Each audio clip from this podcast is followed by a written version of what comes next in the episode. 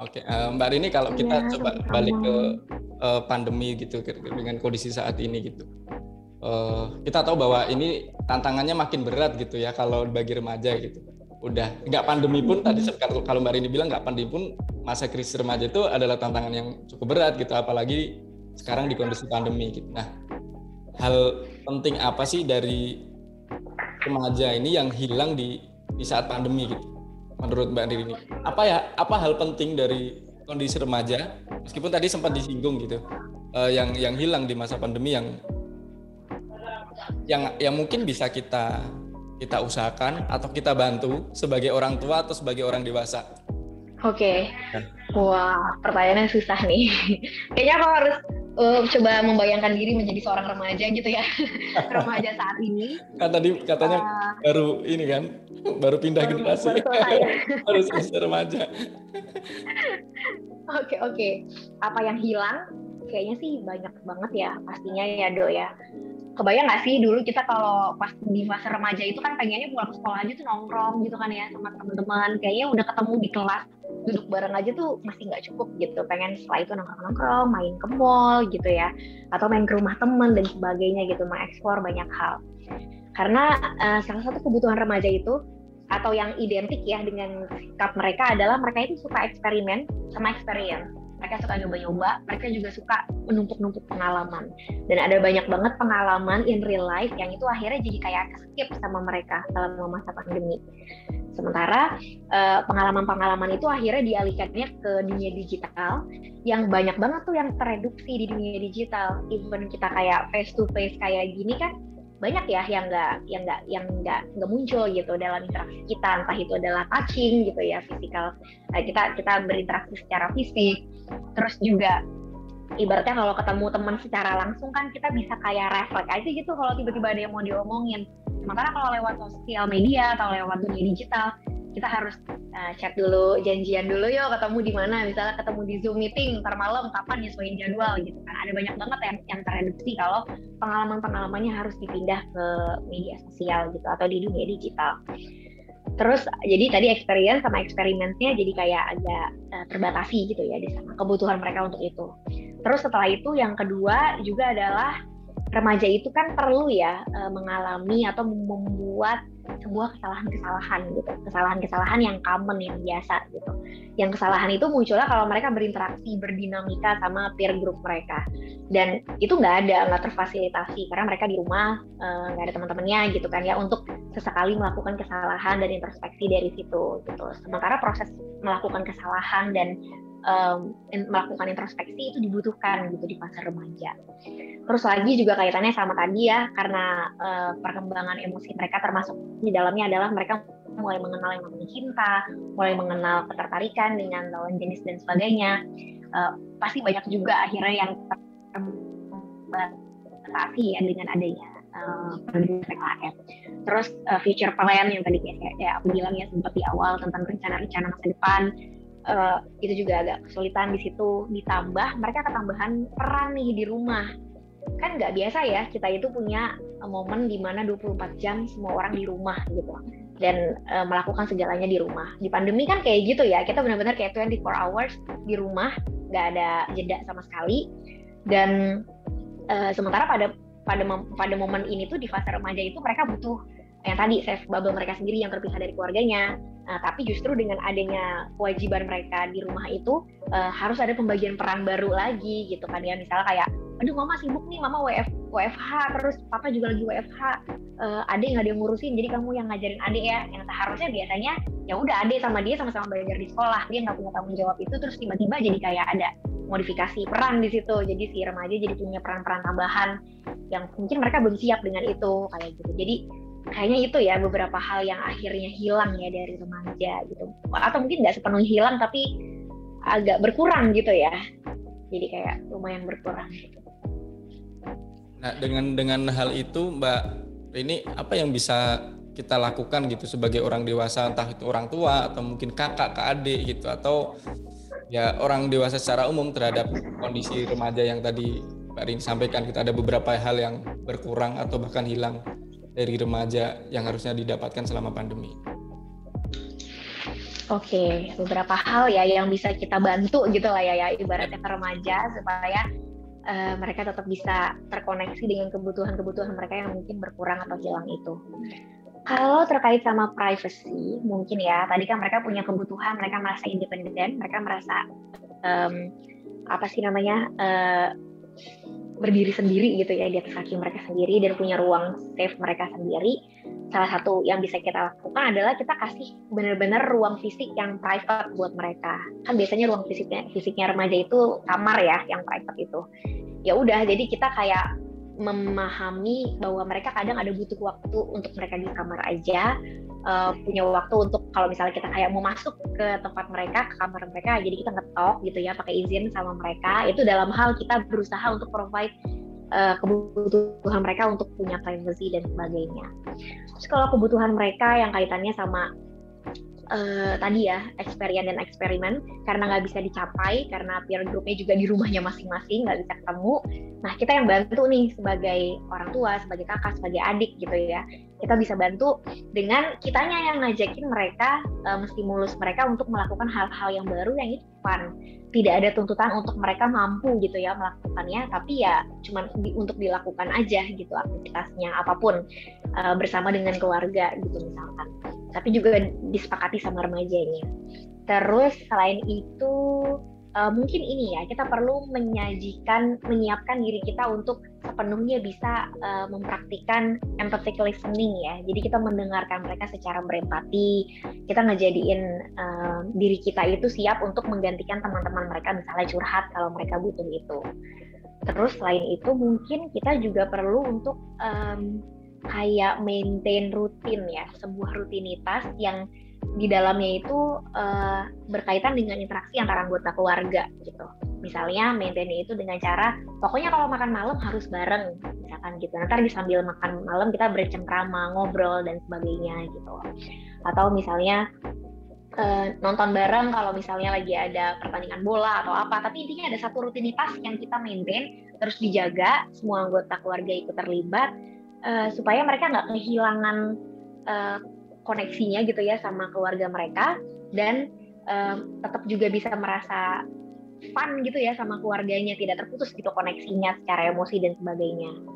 Oh sama satu lagi karena screen time ya screen time-nya kan optimal banget nih mereka pakai karena urusan kerja eh, urusan sekolah dan sebagainya kayaknya perlu deh remaja itu kita ajak untuk bisa uh, menemukan sesuatu yang menyenangkan tapi di dunia nyata gitu karena karena kebiasaan screen time ini akhirnya kalau mereka boring distraction itu adalah dengan nonton YouTube gitu kan atau main games online atau uh, chatting sama temen atau stalk stalkingin uh, mantan atau apa pun lah gitu nah coba misalnya kita ajak kalau misalnya lagi boring karena urusan di sosial media atau di dunia digital, coba yuk cari hal menyenangkannya atau distraksinya di dunia nyatanya. Gitu. Jadi kita ajakin pola itu. Jangan kemudian udahlah sumber stresnya ada di dunia sosial terus mereka cari hiburannya juga di dunia sosial lagi gitu. Jadi akhirnya real life-nya itu cuma dipakai untuk tidur sama melakukan aktivitas yang wajib aja gitu. Nah kita coba ajak ayo cari yang menyenangkan itu di dunia nyatanya gitu bareng-bareng keluarga. Ini tuh ya nggak tahu deh mungkin aku jadi malah penasaran sama Mbak Nia. Mungkin Mbak Nia juga punya experience pastinya kan kayak gimana kemudian uh, membantu providing apa yang mereka butuhkan yang itu terputus karena pandemi ini gitu. Mbak Nia ya, ada cerita tambahan Mbak?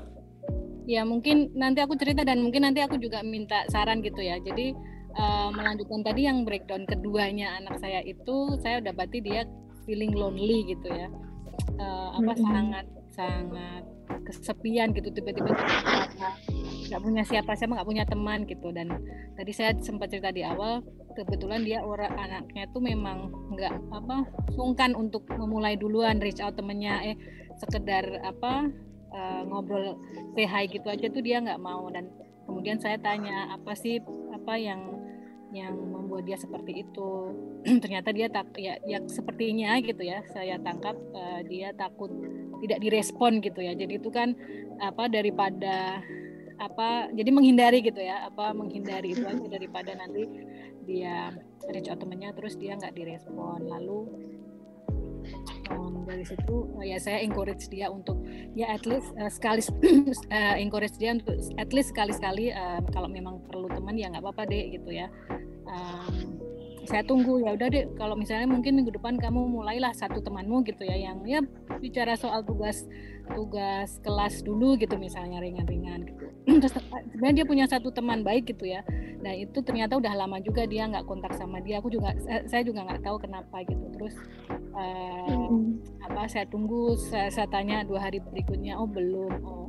Tapi kemudian minggu depannya dia cerita uh, kalau sudah uh, kontak teman baiknya yang apa udah lama kayaknya sebulan gitu dia nggak kontak sama sekali gitu. Mungkin karena tugas sekolahnya juga lagi penuh gitu ya jadi dia juga nggak sempat juga gitu. Setelah itu temennya apa dengan baik hati um, apa namanya memasukkan dia ke sebuah grup uh, grup mm-hmm. ya dulu dia juga anggota grup itu tapi kemudian dia pergi karena kayaknya sudah nggak apa nggak cocok gitu ya. Masih udah interestnya beda tapi kemudian dia dimasukin lagi sama temannya itu. Dan setelah itu dia kelihatan lebih semangat gitu ya. Oh cerita cerita lagi ngobrol ini ngobrol itu. Walaupun ketika dia udah nggak apa interestnya nggak sama dia kemudian juga uh, cerita oh nggak ini lagi. Ya saya bilang itu kan biasa deh. Kalau kamu memang lagi nggak interest topiknya nggak sama dengan yang lain nggak harus ikutan terus gitu. Pas pas ini ikutan aja. Dan dia kayaknya udah mulai uh, apa namanya semangat lagi setelah itu saya lihat. Dan si teman baiknya itu sekarang juga juga main lagi ke rumah gitu. Mungkin karena kondisinya sudah lebih aman ya sekarang sudah pada divaksin gitu. Jadi nah, mungkin itu pressernya memang benar-benar karena ppkm kedua kemarin yang yang lama itu kan sebulan lebih gitu ya. Itu kan kayak nggak boleh ke mana-mana gitu. Jadi nah itu kayaknya breakdown dia yang yang yang apa soal interaksi itu. Lalu kalau uh, mungkin nanti saya saya saya nanya ke Mbak Rini uh, mungkin ada saran lain gitu ya untuk anak-anak yang introvert banget gitu ya. Maksudnya memang memang senang sendiri gitu. Itu gimana hmm. karena kan kasihan juga kalau nggak ketahuan gitu ya ternyata dia merana gitu kan. Kalau misalnya orang tuanya nggak aware kebetulan karena saya cuma satu ya saya gangguin dia terus gitu. Jadi tahu dianya yang sebel sama orang tuanya. Gangguin terus. Nah lalu mungkin kalau yang contoh apa aktivitas di luar apa di luar screen tadi tuh um, biasanya dulu sebelum pandemi pun kami itu harus harus rela mengeluarkan banyak uang untuk makan di luar gitu ya. Demi dia tuh bisa bercerita dengan banyak gitu ya. Kalau di rumah itu udah sulit karena dia kita saingannya adalah uh, banyak di apa di media sosial eh, banyak di internet gitu. Jadi uh, apa namanya biasanya itu selalu kami lakukan ya seminggu sekali kadang dua kali gitu ya. Jadi dari situ kami bisa catch up gitu. Harus di luar rumah kalau di dalam rumah susah sekali. Eh, nah setelah pandemi itu juga jadi agak agak sulit memang kami lagi waktu itu cari cara gimana ya kita aja nggak bisa keluar ke mall ngopi gitu kan. Tapi ya at least dia uh, paling tidak kita bawa jalan-jalan gitu walaupun nggak ini tapi muter lah gitu keluar itu pun agak kadang agak semi dipaksa karena mungkin karena ya itu tadi ya sering rebahan gitu kan dengan online gitu tuh jadi diajak itu susah banget lalu uh, oh ya mungkin yang menarik itu ini apa namanya uh, kami kebetulan uh, oh ya uh, jadi dia kami kenalkan ke teman yang punya uh, toko musik gitu ya, toko piringan hitam gitu ya. Lalu uh, kami kami tanya dia mau nggak intern di sini internship di apa di apa toko musik ini? Terus ngerjain ini media media sosialnya bikin bikin promo-promo apa visual gitu ya video atau poster gitu gitu. Terus dia mau karena sebelum sebelumnya dia memang bantuin bapaknya ngerjain itu di rumah gitu. Nah kami sih mikirnya biar dia punya punya interaksi yang lain gitu ya. Itu kan eh, paling tidak dia ada di jadi tokonya tuh ada kafenya juga gitu paling tidak dia punya supervisor. Jadi ada yang bisa diajak bicara gitu ya. Punya supervisor lalu punya teman-teman yang juga kerja di situ gitu. Walaupun dia pendiam tapi uh, pastilah ada yang menyapa dia gitu ya. Atau dia bisa lihat orang lain ngapain gitu nyari-nyari musik dan dia mungkin bisa bisa ngobrol dengan um, mereka gitu. Itu niat kami gitu gitu. Dan dia mau dan hampir setahun sih sekarang. Jadi itu uh, cukup membuatnya uh, ini ya punya bayangan uh, dunia lain gitu ya. Dan dan itu jadi dia pengalaman kerja gitu ya. Uh, walaupun internya itu cuma paling dia dua jam tiga jam gitu seminggu tuh tiga kali gitu. Itu aja sih. Nah ketika ppkm kemarin tuh itu kayaknya memang numpuk semua di situ. Dia nggak bisa kerja kemudian dia nggak bisa ketemu temen. Ya segitulah semuanya terus dia feeling lonely banget waktu itu. Tapi ya hmm. Habis ini uh, membaik gitu ya itu sih paling saya dan anak saya eh kami dan anak saya jadi pertanyaan tambahnya Mbak Nia ini ya buat remaja-remaja yang introvert parah nih gimana Mbak Rini nih ada mendorong mereka buat, okay, buat, okay. buat orang tua orang tua yang lain ya bagi anak-anaknya yang introvert tuh ada nggak tips mbak tambahannya? Iya ya oke okay, oke. Okay. Wah pertanyaannya menantang nih. Soalnya uh, konsep tentang introvert sama extrovert itu sebenarnya masih debatable kan ya? Tentang uh, bagaimana sebenarnya um, ekspresi dari pribadi mereka yang seperti itu. Kalau yang kita tahu kan kalau berdasarkan konsepnya seharusnya anak-anak yang introvert itu mendapatkan energi atau recharging proses itu didapatkan ke dalam gitu ya. Dengan proses dengan introspeksi, dengan berdiam diri dan melakukan self talk dengan menyendiri itu justru mereka recharging pada saat momen itu. Justru anak-anak yang ekstrovert inilah yang biasanya punya sekali kebutuhan untuk bertemu dengan lingkungan sosialnya karena karena mereka butuh rekognisi gitu dari teman-temannya. Pengakuan mereka butuh uh, juga uh, penguatan gitu ya reinforcement dari teman-teman satu grupnya Nah, di situ mereka orang-orang extrovert itu justru dapetin energinya itu dengan mereka ketemu orang dan sebagainya. Jadi justru biasanya di dalam situasi pandemi yang lebih banyak ngerasa uh, bener-bener udah boring gitu ya, terus kemudian capek banget sama situasi yang kayak gini itu biasanya malah justru anak-anak yang extrovert gitu yang butuh kebutuhan yang butuh banget ketemu sama teman-temannya butuh banget berinteraksi butuh rekognisi butuh penguatan dari rekan-rekannya sementara yang introvert ini uh, pastinya juga ada dampak ya dari pandemi yang kaitannya sama uh, anak-anak yang introvert. Salah satunya misalnya adalah tadi masalah akademik, masalah future plan, masalah ekspektasi orang lain ke mereka dan sebagainya. Tapi kalau untuk kebutuhan yang mendesak gitu ya, ketemu lagi sama lingkungan sosialnya yang rame-rame gitu ya, peers mereka peersnya dia, mungkin tidak setinggi itu gitu. Ada kepengenan tapi kalaupun nggak didapatkan mereka tetap bisa recharging dengan proses tadi sendiri di kamar dan sebagainya gitu. Nah jadi kalau ditanya misalnya apa nih ya yang bisa dilakukan sama orang tua? Kalau kebetulan anak-anaknya introvert kan yang paling kita khawatirkan itu mereka jadi enggan ya untuk membuka diri, enggan untuk bercerita gitu, lebih suka keep semuanya sendiri di dalam hati aja. Nah, eh, sekarang pertanyaan pertamanya adalah kita tanya dulu nih ke dia, sebenarnya dalam upaya ketika dia lagi uh, apa ya merasa stres, stressful gitu ya sama sesuatu, sebenarnya dia nyamannya gimana gitu. Apakah memang dia nyamannya dibiarkan sendiri dan uh, dia hanya perlu tahu bahwa kita itu selalu ada gitu kapan dia butuh gitu. Atau dia memang uh, nyamannya adalah bercerita kepada orang yang dia percaya. Karena even introvert pun pasti uh, pasti tetap uh, punya teman ya atau punya lingkaran nyamannya sendiri satu dua orang yang dia nyaman banget untuk diajak ngobrol gitu. Kita harus tahu dulu tuh dia lebih suka polanya gimana ketika dia menghadapi masalah. Nah, salah cara lainnya adalah dengan kita uh, bantu dia untuk punya uh, untuk melakukan aktivitas journaling gitu. Jadi dia bisa melakukan pencatatan. Itu nggak nggak mesti kita baca kemudian pencatatannya. Yang penting adalah dia punya sebuah wadah yang dia bisa menyalurkan isi kepalanya, menyalurkan emosi dia gitu. Dan kita coba provide itu melalui misalnya uh, diary gitu ya atau journaling online juga udah banyak sekarang aplikasinya atau aktivitas lain yang itu sifatnya juga adalah untuk melepaskan emosinya gitu ya emosi negatifnya. Misalnya menggambar atau coloring atau apa pun lah sesuai dengan uh, kesukaan yang mereka gitu. Karena biasanya agak unik nih uh, orang-orang yang introvert kadang justru melepas emosinya bukan dengan curhat ke orang tapi misalnya dia berinteraksi dengan hal lain yang dia suka. Entah itu dengan menulis um, atau tadi dia menggambar atau mewarnai kayak gitu. Dan kita coba provide itu ke dia gitu mana kira-kira yang membuat dia paling nyaman nah terus yang kedua mungkin bagi anak-anak yang introvert ini yang penting orang tuanya eh yang penting adalah mereka selalu tahu kalau orang tua mereka siap mendengarkan gitu apa pun masalahnya in case mereka membutuhkan gitu. Tapi kita nggak perlu memaksa misalnya harus ada agenda uh, berdiskusi sama orang tua soal masalahnya kayak gitu. Karena memang tadi mereka biasanya uh, rilis stress reliefnya itu justru dengan aktivitas-aktivitas yang dia sendiri dengan hal-hal lain yang dia minati gitu atau journaling tadi. Mungkin itu ya yang bisa dilakukan gitu dok. Siap-siap menarik banget. Catatannya banyak nih bagi para orang tua baik yang anaknya ekstrovert atau introvert. Nanti aku rangkum singkat ya. Jadi tadi tips dari Mbak Rini, Mbak Nia juga.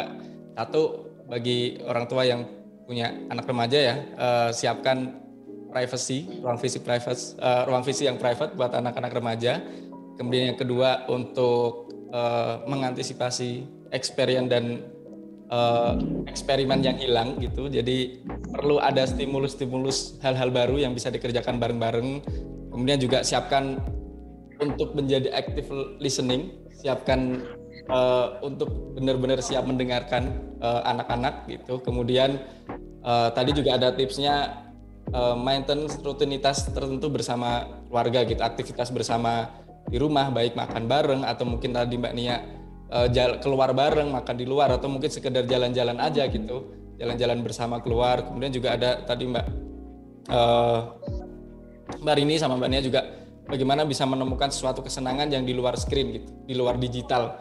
Uh, itu kalau aku sama adikku tuh sekarang kalau kemarin pulang pulang kampung gitu sama adikku kami masak bareng ya hal-hal yang yang hal-hal yang disukai oh, iya benar-benar hal yang disukai oleh remaja gitu. Tapi memang aktivitas-aktivitas di luar screen.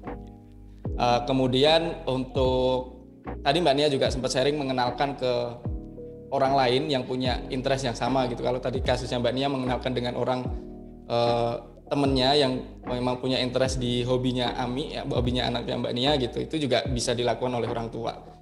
Kemudian bagi teman-teman, uh, bagi orang tua yang anaknya introvert, introvert, uh, mungkin orang tua bisa tanya dulu sebenarnya kebutuhannya mereka apa, dia mau mendengarkan, uh, dia butuh orang di, butuh orang uh, untuk diajak ngobrol atau memang uh, sendiri gitu. Kemudian juga harus ada wadah untuk menyalurkan emosi atau isi kepalanya ya. Kita sebagai orang tua atau sebagai orang dewasa menyiapkan wadah itu ya Mbak Rini ya. Bisa melalui tulisan, bisa melalui gambar, bisa melalui apa pun lah gitu dan uh, yang paling penting adalah kita harus memastikan bahwa anak itu sadar bahwa orang tua itu selalu ada gitu ketika dibutuhkan oleh remaja. Gitu. Uh, terima kasih Mbak Rini, Mbak Nia untuk tipsnya. Nah, ini mungkin terakhir dariku. Kalau Mbak Nia mungkin kalau nanti mau nambahkan boleh. Kalau bagi remajanya sendiri gimana Mbak Rini? Kalau tadi kan dari sisi orang tua ya atau orang dewasa gitu. Kalau bagi remaja dengan menghadapi kondisi pandemi yang seperti ini, apa saran dari Mbak Rini yang bisa dilakukan oleh remaja atau yang bisa orang tua sampaikan kepada remaja gitu, kepada anaknya yang saat ini remaja? Ada nggak Mbak? Atau Mbak Nia nanti juga boleh nambah ya?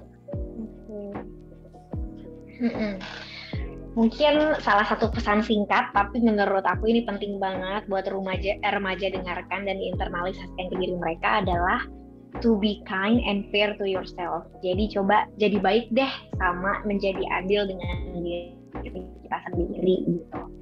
Kadang remaja juga secara tidak langsung kayak nge-push dirinya sendiri untuk segera tahu siapa dia, segera tahu maunya apa, masa depannya gimana, nge-push diri dia untuk segala hal yang memang mungkin society kita sebenarnya yang mengkondisikan mereka untuk melakukan itu ya. Nah, uh, aku mau kayak anak remaja itu menjadi lebih baik sama diri mereka sendiri gitu. It's okay, nggak apa-apa. Ini memang prosesnya, ini memang krisis yang harus dilewati. Nggak apa-apa kalau misalnya belum ketemu jawabannya kayak kayak masih ada banyak juga hundred people uh, di luar sana yang juga punya masalah yang sama gitu belum menemukan siapa diri mereka nggak apa-apa kita punya timeline sendiri jadi fokus aja sama timeline kita. Kalau memang kebetulan timelinenya saat ini memang sedang fokus di pencarian belum ada jawaban nggak apa-apa. Keep keep searching gitu ya dan uh, apa sih coba fair sama diri kita sendiri fair itu dalam artian jangan cuma fokus ke apa-apa aja yang belum saya capai nih di tugas pengembangan saya, tapi juga apa-apa yang berhasil saya lewati, kegagalan-kegagalan kegagalan apa aja yang berhasil saya menangi atau at least saya bisa bertahan meskipun belum keluar dari masalah itu gitu. Jadi kita menjadi fair sama diri sendiri. Terus yang kedua, eh, aku juga mengajak para remaja untuk lebih mindful. Ini sesuatu yang mungkin jadi asing gitu ya buat banyak orang karena kita udah biasa dengan autopilot mode ya. Kita biasa pakai mode autopilot. Uh, bangun tidur udah langsung ngecek handphone gitu kan ya, terus langsung terbahas, scrolling scrolling sosmed dan sebagainya itu kan kayak refleks terjadi setiap harinya. It means dari pas buka mata aja sih kita udah pakai autopilot langsung kita pencet gitu modenya. Uh, coba di mindfulness tuh di hal-hal sederhana kayak bangun tidur udah jangan main handphone dulu kayak sadari dulu kalau oh, saya bangun lagi nih dari tidur gitu kan ya masih hidup gitu terus masih nafas gitu. Terus dinikmati misalnya badannya lagi pegel terus mau direnggangkan gitu ya otot-ototnya. Terus uh, misalnya doing some exercises di pagi hari entah lari entah apa sih cuman cuman mungkin yoga gitu ya doing yoga atau cuman relaksasi gitu. Tapi mengambil momen-momen kecil di dalam keseharian yang itu bisa kita kita coba practicing mindfulness itu gitu. Coba being, being mindful menjadi diri kita uh, termasuk di dalamnya adalah tadi uh, kita tahu kapan ini ini nggak nggak urgent kok untuk buka sosmed gitu kan. Ini nggak urgent untuk pegang handphone gitu. Jadi coba menjadi here and now dengan hidup kita saat itu. Terus selain itu mungkin uh, sama uh, sama ya rutin. Tapi uh, maintain rutin. Cuma bedanya kalau sama keluarga tadi kita cuma butuh satu momen entah itu dua kali sehari, dua hal sehari sorry dua hari sekali atau seminggu sekali. Tapi kalau ini maintain rutin yang kita tuh lakukan setiap hari sebagai teenagers. Kita mungkin bikin schedule gitu kan ya apa aja yang wajib saya lakukan hari ini Kemudian jangan lupa di dalamnya termasuk aktivitas-aktivitas self care yang itu untuk diri kita sendiri gitu ya, bukan bukan untuk orang lain, bukan untuk guru kita, bukan buat orang tua kita, tapi untuk diri kita sendiri gitu. Self care-nya apa pun itu dijadikan rutinitas.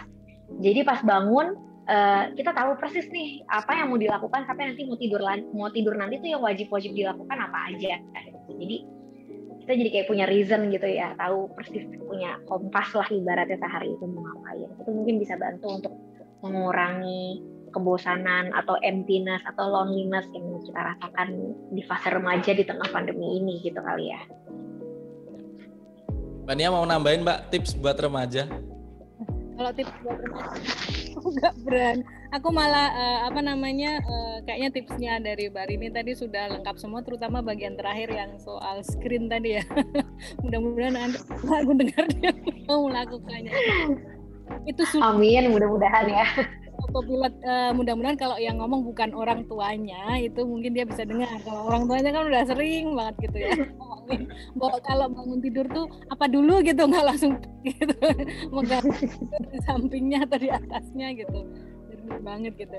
Uh, mungkin uh, lebih ke uh, mungkin kalau untuk remajanya sam menguatkan aja kali ya dari Mbak Rini soal don't be too hard on yourself sih kayaknya uh, apa namanya kalau lihat anak saya. Jadi kalau ngobrol sama anak tuh selalu yang lebih sering diungkapkannya tuh yang dia nggak bisa ini belum bisa ini. Padahal sebenarnya dia sudah bisa ini sudah bisa itu gitu ya. Jadi jadi yang belumnya itu memang lebih banyak diutamakan daripada yang dia sudah ngapain sudah bisa apa gitu. Kayaknya negatif terus gitu ya. Kayaknya memang memang mungkin karena kondisinya sekarang tuh juga lebih banyak mempengaruhi mempengaruhi dia. Soal wah kayaknya nggak ada masa depan ini ya kok hidup ini suram banget di depan gitu ya. Jadi itu kayaknya hal-hal negatif aja yang sering dibahas gitu. Tapi sebenarnya anak-anak ini anak-anak yang hebat gitu ya dengan pressure se sebesar itu dia masih mau menjalankan aktivitasnya gitu ya. Saya juga nggak tahu nah, kalau saya di masa remaja kayak mereka tuh nggak ngerti juga apa yang saya lakukan gitu ya. Itu sih. Dan mungkin kalau buat uh, fellow parents gitu ya ya ini sih kalau soal konsisten tadi itu serius apa dan ini ya komunikasi dengan anak. Dan itu harus dilakukan bersama dengan pasangan juga. Jadi sama-sama bapak dan ibunya juga juga apa harus komunikasinya konsisten gitu. Jangan-jangan yang satu apa approach-nya benar gitu tapi yang yang satunya lagi mungkin apa lupa atau apa terus dia bikin pressure lagi gitu. Dan itu apa semakin bikin